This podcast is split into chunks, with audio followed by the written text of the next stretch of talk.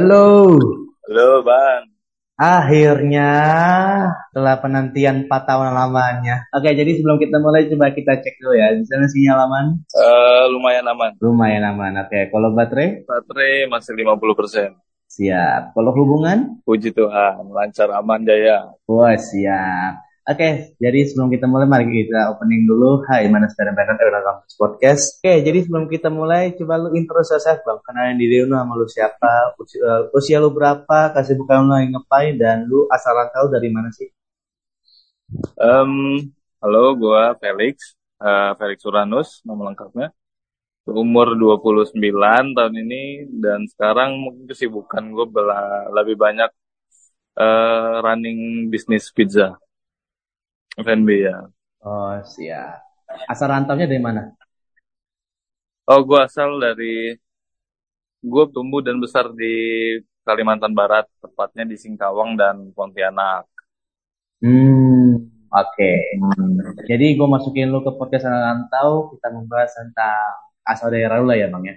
Di kue hmm. jalan-jalan, kok jadi gue bikin series sampai kue jalan-jalan yang mengenai konsen di podcast rantau gua berkolaborasi dengan anak daerah kayak lu untuk membahas hmm. bagaimana sih kampung daerahnya gitu. Nah di episode kemarin di part kemarin gua mengajak junior gua itu kita membahas hmm. tentang Depok. I see. Nah pada kali ini gua ngajakin lu tentang Pontianak. Nah kalau saya menurut lu sendiri nih bang, atau enggak dari awal dulu deh, asal kota lu itu di bagian mana Pontianak sih? Apa mungkin di Singkawang tadi lu bilang apa mungkin di daerah-daerah yang lain gitu?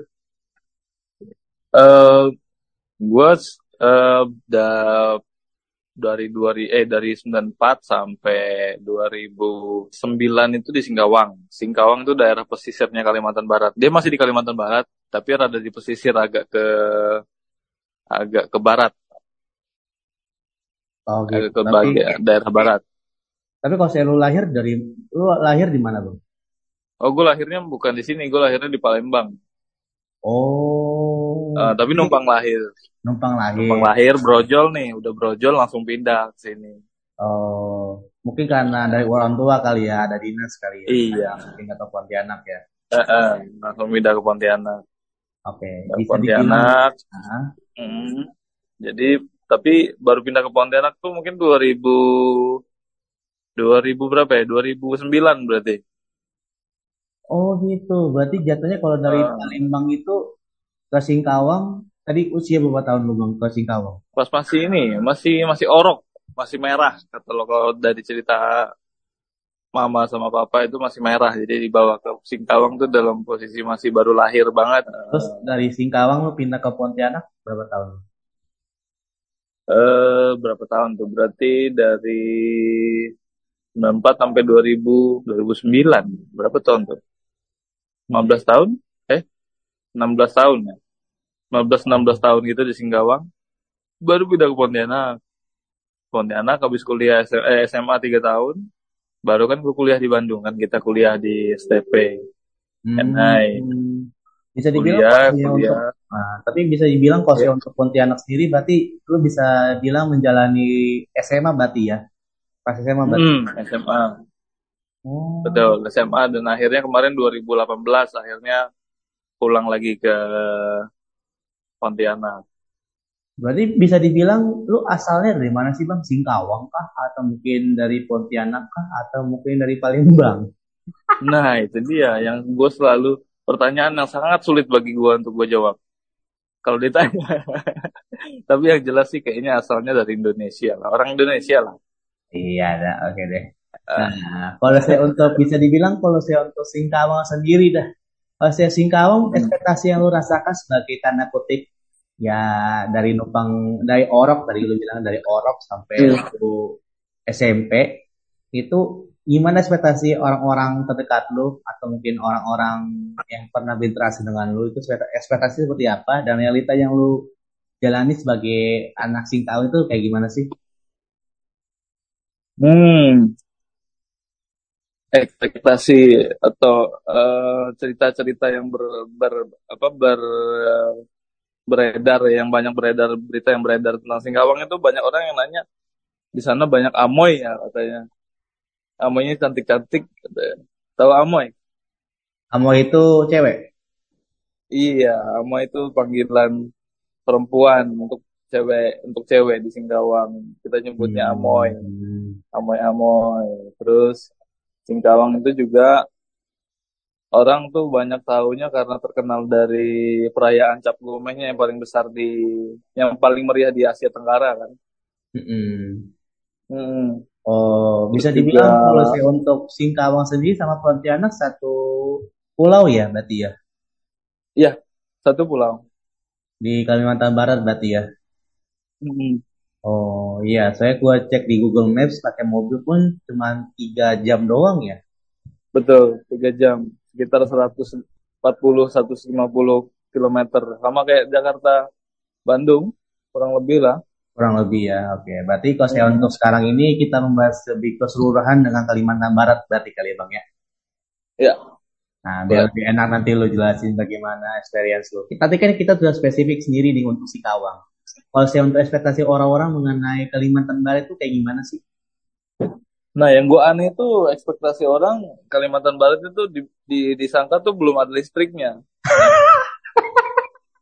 Rada kurang ajar ya, rada kurang ajar. Orang-orang ini biasanya, "Ah, emang di sana udah ada listrik ya, setan.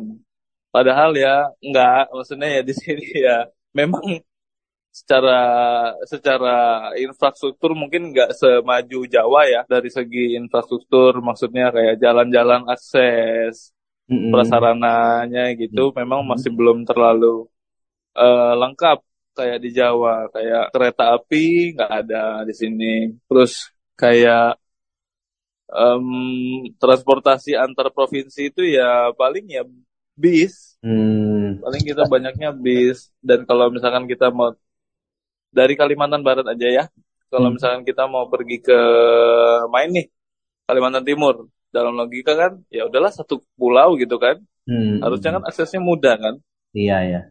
bis ya udahlah kita males lah misalkan males duduk lama-lama ya udah gue naik pesawat deh gitu Mm-mm. naik pesawat naik pesawat aja kalau dari Kalimantan ke Kalimantan dari Kalimantan Barat ke Kalimantan Timur itu nanti transitnya di Jakarta dulu loh Hah? aneh nggak Gak ada aksesibilitas langsung ke Kalimantan Timur gitu. nggak ada nggak Nggak ada nggak ada Oh. Nggak ada. Oke oke oke. terakhir kali gue cek sih nggak ada Ah, itu terakhir kali lu ngecek itu tahun berapa bang? hmm, mungkin sekitar tiga atau empat tahun lalu lah ya Waduh, corona aja belum datang. iya makanya Selain ekspektasi tadi yang lu sebutin dari teman-teman lu yang bilang listrik itu nggak ada, apalagi yang ekspektasi yang lu dapatkan dan realita yang lu jalani sebagai tanda kutip anak dari Kalimantan Barat itu kayak gimana? banyak yang bilang maksudnya ya kadang suka di eh ceng-cengin juga sedikit. Maksudnya wah di Kali di Pontianak belum ada ini kan katanya. Belum ada belum ada McD gitu ya tapi itu gue nggak bisa jawab karena memang belum ada sih. Dan itu cukup nyebelin buat gue Oh, berarti kalau saya McDonald tuh belum masuk di sini. Sampai sekarang McDonald juga nggak belum masuk. iya Oh. dan tuh anjing karena kemarin sempat ini kan sempat sempat kuliah di Bandung sempat lama di Bandung tuh kayak udah terbiasa memang memang favorit kan Iya tempat nongkrong lah ya. Jadi minimal kayak Hmm, numpang makan nongkrong ya. di situ nugas di situ lain-lain di Nah. situ eh di sini sampai sekarang 2023 masih belum ada Oke, ini kita tapping pas tanggal 10 April 2023. Ya, cukup aneh juga sih. Nah, minimal kayak apa ya? Jangankan McD, Mixway yang dalam artian yang udah lagi training-training itu ada nggak di daerah di Kalimantan? oh? Miswe udah Mixway udah. Miswe udah KFC gitu udah Nggak lucu. terus Eh, eh, KFC sih udah lama Pizza Hut gitu udah lama cuman yang Hmm. memang nggak tahu kenapa nggak buka-buka itu McDonald's sih McD Kayak kopi-kopi zaman sekarang itu kayak kopi kenangan gitu-gitu ada. Ada. Kopi kenangan udah ada. Kopi Oh. kenangan udah lama di sini. Kopi kenangan terus Starbucks itu sih udah ada sih. Hmm. brand-brand yang kayak gitu-gitu ya. Tapi kalau kayak brand-brand baju yang kayak M- yang pegangannya MAP kayak Zara Uniqlo eh Uniqlo bukan deh. Eh H&M gitu-gitu baru masuk tuh kayaknya tahun belakangan deh Oh, oke oke oke oke oke oke. Nah, selama lo hidup, lo pernah ke mana aja sih di Kalimantan Barat, Bang? Selain tadi lo sebutin tadi kan Pontianak udah Singkawang dari lo lahir. Hmm. Terus ke mana aja? Gue sempet nyoba ke ini jalan ke Sintang, Melawi, Nangapino, terus ke Pulau Lumukutan, Pulau Randayan, habis itu ke Pemangkat, habis itu ke mana lagi ya? Anjungan, ke Sanggau, ke Entikong, ke perbatasan, mana lagi ya? Kayaknya oh. itu sih. Berarti rata-rata yang nah. bisa gua rangkum lebih banyak destinasi untuk itu ya uh, buatannya atau lebih ke pantainya ya daripada alamnya kayak gunung gitu-gitu ya. Oh enggak, justru di sini memang kebanyakan natural attraction. Di sini Berarti justru kebanyakan uh, natural attraction kayak pulau, pantai. Di sini kalau gue ngeliat kalau kalau di, di Kalimantan Barat masih kurang ya main-main yang yang maksudnya yang uh, tempat rekreasi yang memang dibuat gitu. Mm -hmm. Jarang jarang. Oh, kalau gunung jarang. gitu? Ada, tapi bukan gunung sih. Mungkin kita nyebutnya bukit ya. Oh, bukit ya. Uh, dia bukit, bukit curug uh, gitu ya. Uh, uh, banyak sih maksudnya kayak Riam. Kalau uh, Riam tuh ini apa? Air terjun. Hmm. Air terjun tuh banyak, air terjun banyak. Cuman gue masih belum sempat explore ke sana karena gue bisa biasanya lebih suka nyari ini pantai. Oh, berarti bisa dibilang lu anak pantai ya daripada anak gunung ya? Anak mama. Aduh, siap, siap, siap. Oke, okay. tapi lu pernah gak sih kayak lu jalan-jalan gitu baik sendiri teman-teman lu atau sama cewek lu gitu? Lu pernah gak kayak ke suatu destinasi wisata tapi untuk ke sana itu susah banget tuh untuk diakses? Pernah nggak? Dan itu kalau saya pernah ke mana? Selama di Kalimantan Barat ini di mana ya? Ini kalau nggak salah di Danau Lait. Danau Lait itu ada di daerah Ambawang ke sana lagi. Jadi yang terkenal tuh kan yang sempat kemarin sempat viral tuh kan ada Bipang Ambawang tuh. Pernah denger nggak? Nggak tahu Jadi, Bipang Ambawang. Bipang Ambawang tuh babi panggang. Oh oke okay. ya ya. Uh, babi panggang khas uh, Dayak itu makanan khas Dayak jadi dari sana kita dari dari sana perjalanan mungkin sekitar dua jam lagi pakai mobil kan. Nah dari sana masuk ke dalam danaunya itu, itu kita kemarin mobil tuh sampai nyangkut karena dari banyak batu-batu besar. Aksesnya tuh belum benar-benar yang di uh, dibuat. Gue pikir masih belum benar-benar di dikondisikan supaya untuk menjadi tempat wisata ya, gue pikir. Itu tuh sebenarnya. Jadi kemarin bingung juga karena kita kan ramean dalam satu mobil tuh berlima gitu, berenam gitu. Mungkin mm bebannya bebannya lumayan berat kan. Mm -hmm. di tengah-tengah jalan jalan tanah itu tuh ada gundukan batu, batu mm besar gitu. Jadi mesinnya tuh nyangkut di situ. Mau ditarik takut rusak, mau dimajuin takut makin dalam. Eh akhirnya kita semua turun, kita dorong rame-rame akhirnya. Hmm. Itu tahun berapa tuh bang? Diangkat. Tahun berapa tuh? Itu bang? danau, danau aja, danau, danau, danau yang, hmm, danau yang lucu aja gitu. Maksudnya karena kalau kita di Pontianak, kalau kalau misalnya di Pontianak ini kan sebenarnya tempat wisatanya nggak nggak ada. Kita tuh nggak ada tempat wisata yang di, di kota ini nggak ada tempat wisata yang hiburan yang benar-benar bagus itu nggak ada. Paling jadi kita ketemu danau aja tuh udah seneng. Jadi kita bisa apa pakai nyewa kano, nyewa kano gitu, terus hmm. berenang-berenang aja di situ. Oh, Cuma gitu itu, doang. Itu momennya berapa tahun yang lalu, Bang? Itu kayaknya 2020 deh. Oh, 2020 lumayan ya. Uh -uh. Okay, okay. Uh. Tapi kalau saya menurut lo sendiri, Bang, kalau saya untuk di Kalimantan Barat, itu kalau saya kelilingin berapa lama menurut lu untuk riding? Kalimantan Barat ya kalau mau keliling. Yoi. Dan itu kalau saya mau riding pun enaknya di kota mana yang untuk bayar destinasi wisatanya? Kalau gua sih sekarang ya merekomendasikan main ke Kayong Utara. Kayong Utara, Kayong Utara itu gue lupa dia masuknya ke Kalimantan Barat atau ke Kalimantan Timur ya. Jadi Kayong Utara itu bagi gue satu-satunya yang selama ini di Kalimantan Barat ya atau di daerah daerah-daerah sini yang tempat wisatanya dari segi peng, peng apa sudah diolah dengan baik, sudah tertata dengan baik dan dari segi geografisnya juga sangat dukung, memang bagus gitu loh. Jadi sana ada pantai. Jadi di di di nama kotanya itu namanya Sukadana. Sukadana itu kotanya kecil, kota kecil, uh, sepi. Bisa dibilang uh, kotanya nggak begitu besar juga. Ja, jadi di ujung sebelah sana kita ada gunung. Di sisi kalau nggak salah gunung tuh di utara, di bagian selatan itu ada pantai. Dan menurut gue itu bagus, cakep, cakep banget tempatnya. Dari segi tempat makannya ada, tempat yang jual makanannya ada, terus tiket masuknya juga tertata gitu, tempat parkirnya ada tempat bilasnya ada terus juga pantainya juga bersih bening airnya karena kalau hmm. kalau kalau yang pantai-pantai yang di Singkawang itu airnya keruh. Oke, okay. kalau saya untuk suhu di sana gimana sih bang di Kalimantan Barat? Apakah mungkin panas kayak Bekasi, Jakarta? Terus untuk kultur-kulturnya dan orang-orang hmm. gimana sih?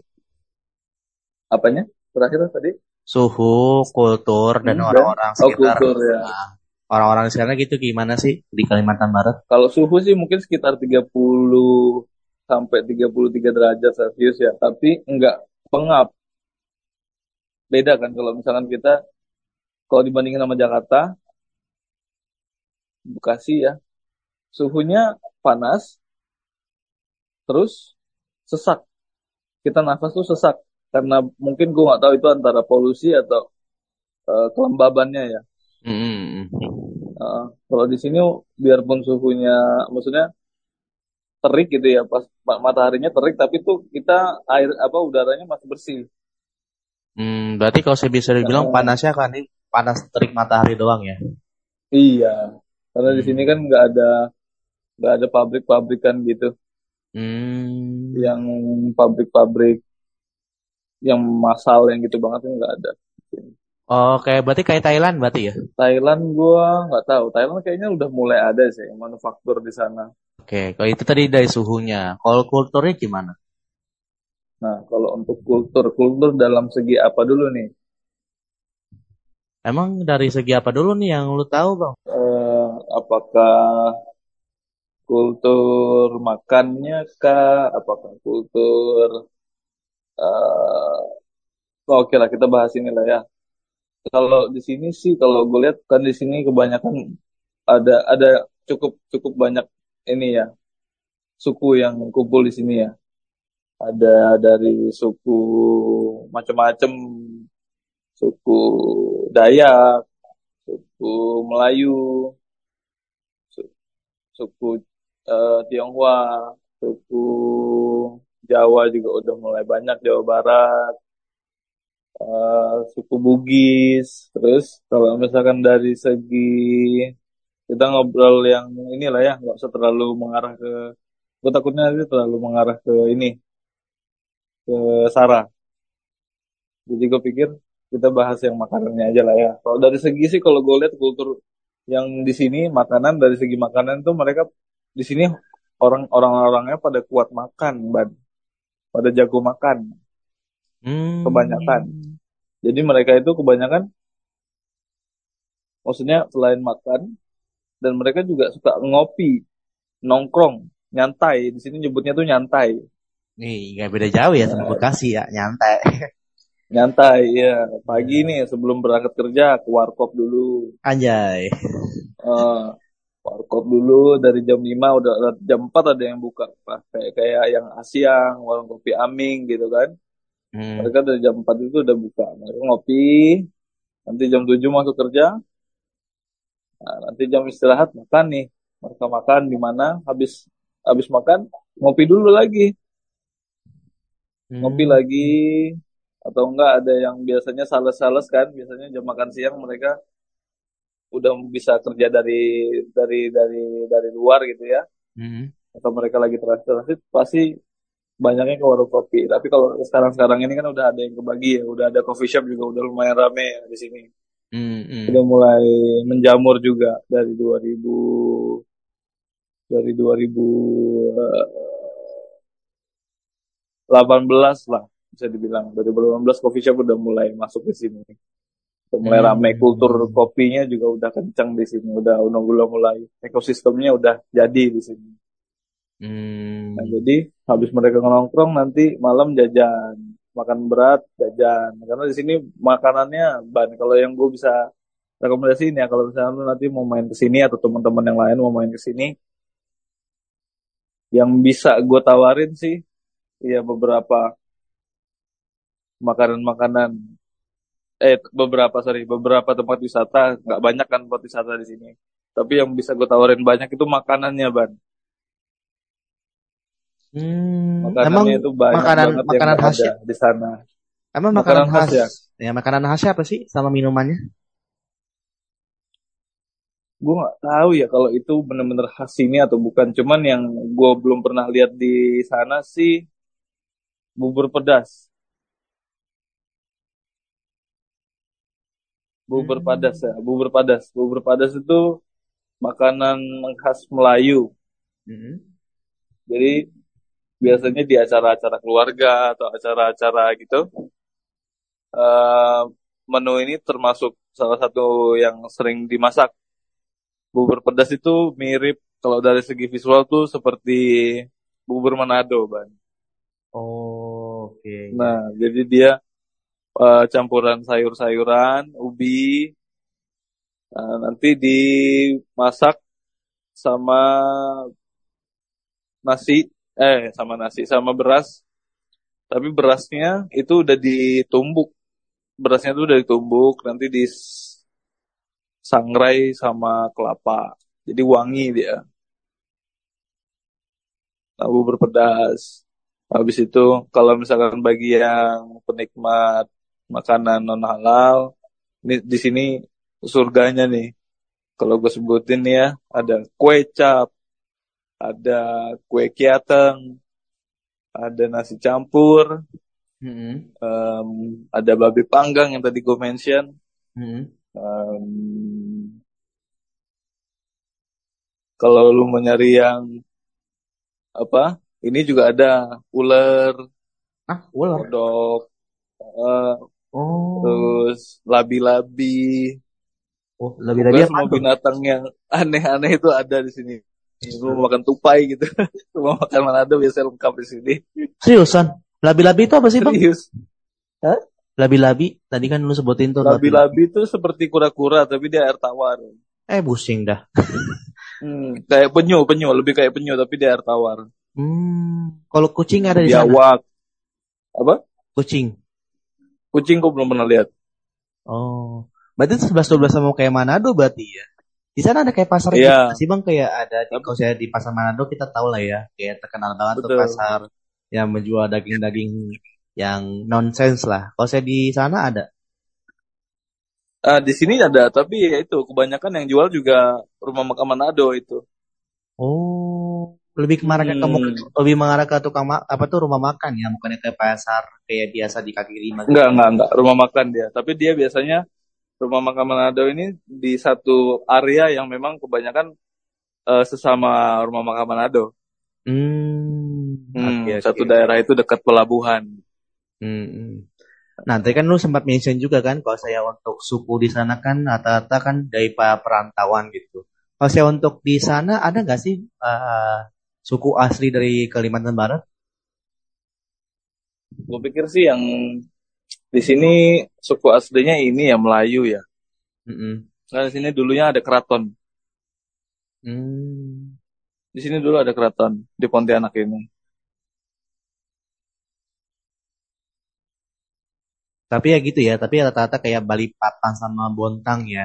Itu rata-rata para para para ya, para perantauan berarti ya. Hmm, banyak juga, lumayan banyak juga perantauan dari daerah-daerah di sini. Hmm, iya, soalnya kan gue juga ngajak kolaborasi juga dengan junior gue yang dari Balikpapan sama Bontang. Ya mereka mention juga rata-rata uh, tanda kutip untuk daerah mereka tidak ada atau mungkin malah uh, jarang ada yang orang yang tanda kutip suku asli dari sana gitu loh bang. Rata-rata pada perantauan semua Hmm. gitu. Nah kalau saya Hmm, untuk di daerah Kalimantan Barat kebetulan masih ada gitu ya. hmm. Hmm. Lu BTW suku apaan bang? Gua mix ya, karena dari ibu itu Sunda, Mm-mm. eh, bapak Tionghoa. Oh, pantesan kelihatan. Kelihatan ya. Heeh. Iya iya. Oke, tadi kan lu sempat mention juga kan mengenai makanan yang halal, yang halal maupun non halal. Nah, konsep untuk Iya. minumannya apa sih yang khas di sana gitu, baik yang halal Oh, maupun yang ada. memabukkan gitu? Ada, ada, ada, ada. Yang halal ada yang yang lucu di sini tuh namanya Cehuntiao. Apaan tuh? Cehuntiao. Cehuntiao itu dia kayak gimana ya? Dia tuh eh, kuahnya tuh kuah santan. Kuahnya kuah santan, terus dimakannya tuh sama apa sih? Dia kayak jelly-jelly. Gue lupa apakah pacar Cina gitu namanya ya pacar Cina ya nggak salah itu jelly-jelly itu tuh. Ada pacar Cinanya, ada jelinya, ada bongko yang warna hijau itu, ada cincaunya, terus ada kacang merahnya. Jadi dia sejenis dessert gitu loh. Itu kebanyakan teman-teman gue dari Jawa, kalau gue bawa makan itu pasti pengen lagi. Cehuntiao, Hmm. Cehuntiao.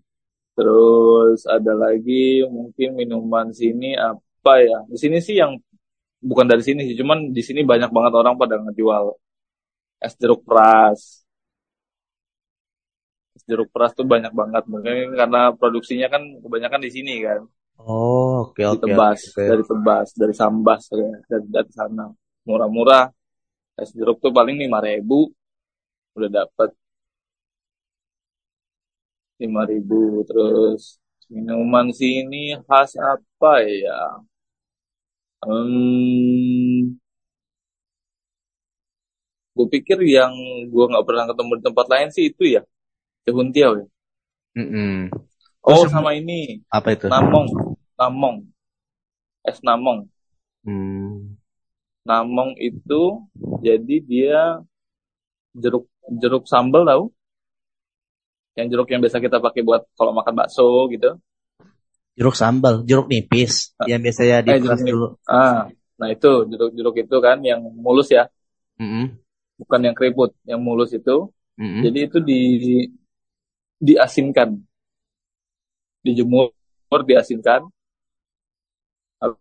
Habis itu nanti dibikin es, dikasih gula. Oh itu seger Hmm. banget. Jadi karakternya asin, manis asin gitu. Manis asin asam. Hmm. Hmm. Terus yang untuk memabukkan ada? Oh yang memabukkan ada arak, tuak. Nah tuak tuh kan tuak tuh kan banyak jenis. Yang umumnya kan orang pada tahu kan dari beras, Mm-mm. Tuak beras. Nah tuak beras pun ada yang tuak beras putih, ada yang tuak beras merah. Terus tuak tuh bisa dibuat juga dari jahe, dari air jahe. Ada tuak nanas juga. Tuak nanas. Ada itu beneran. Iya, ada. Enak Oh. dia. Dia karakternya dia manis, manis-manis seger. Ya kayak kita nanas aja, kayak kita minum air nanas Hmm. aja. Hmm. Cuman udah beralkohol. Oh. Berarti Hmm. bisa gua rangkum, bisa dibilang kalau saya untuk makanan sama minuman itu meng- mengarah ke asam ya, asam pedas, asin Iya, gitu ya. iya. Di sini nggak begitu hobi manis. Hmm. Kalau gue perhatiin, kebanyakan kalau di sini kalau makanan nyarinya asin pedas. Kalau minuman juga asam, manis, asam manis lah ya. Kebanyakan gitu Hmm. karakternya. Asam Karakternya sangat gitu banyak ya. dipakai sih. Hmm, gitu ya. Oke, oke. Oke, sebelum menutupi episode pada kali ini, coba Abang kasih kesan. Kesan Abang sebagai anak dari Kalimantan Barat, itu kayak gimana sih? Dan coba kasih pesan pada orang-orang yang pengen tahu atau pengen siapa tahu ada waktu untuk berkunjung ke Kalimantan Barat, bagaimana? Sok silakan. Pesan dan kesan ya. Ya betul. Pesan dan kesan ya. Iya betul betul. Pesan dan kesan mungkin dari pesan gue ya kalau misalkan buat teman-teman yang mau main ke ke sini atau mau ngerantau ke sini yang pasti kalau bisa ya eh, kita bahas yang mau ngerantau ke sini deh ya kalau yang mau ngerantau ke sini pelajari bahasa. Karena apa ya sebenarnya sih nggak jauh beda jauh ya bahasa bahasa bahasa yang dipakai di sini dengan bahasa Indonesia tuh sebenarnya nggak jauh beda cuman beda aksen aja beda beda beda beda logat aja kebanyakan. Cuman uh, somehow aku ngerasa di sini ada uh, ada certain ketidaksukaan orang terhadap ibaratnya uh, orang jauh apa orang datang di sini tapi bahasanya kok sok-sokan pakai bahasa gaul gitu bahasa bahasa mana gitu loh. Kalau mau ngeratau jadi pesannya pelajari bahasa tapi pesan keduanya um, jangan lupa jaket-jaket yang tebal-tebal itu nggak usah dibawa ke sini lah. Karena di sini pasti nggak akan kepake. Kalau traveling ke sini juga, maksudnya baru baju-baju yang jaket-jaket yang tebal-tebal gitu. Kalau kita di Bandung itu hmm. nggak akan kepake di sini karena di sini panas. Hmm. Nggak akan tahan lah pakai-pakai begituan. Terus um, menurut gue sih kalau misalkan ada waktu dan ada rezeki sangat boleh traveling ke Kalimantan Barat ya karena banyak masih banyak natural attraction dan makanan-makanan yang uh, gue pikir uh, belum tentu ada di sana ya belum hmm. tentu ada di tempat lain terus juga kalau misalkan um, traveling ke sini gue pikir rekomendasinya sih dari gue pribadi yang mesti dicoba itu jalan ke Singkawang.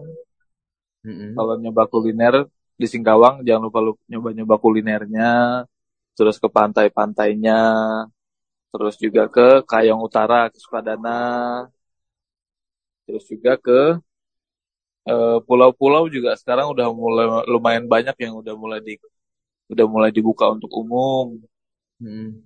Kayak pulau-pulau Randayan, pulau-pulau Lumukutan. Jadi yang kira-kira tuh uh, kita bisa pergi berlima, berenam gitu grup. Nanti kita bisa uh, nyewa rumah di sana. Nyewa rumah nanti dimasakin sama nelayannya dari dari hasil tangkapan mereka.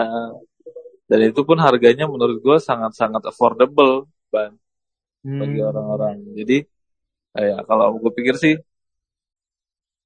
main boleh, boleh. Kalau ada waktu dan ada rezeki lebih, mainlah ke Pontianak dan Kalimantan Barat sekitarnya. Gitu. Hmm, siap. Paling dari gua gitu sih. Oke, okay, thank you ya Bang Felix satu-satunya sorry banget nih waktunya. Siap. Oke, okay, Beko pakai episode pada kali ini. Sampai jumpa di episode berikutnya. Dadah, sampai jumpa. Siap.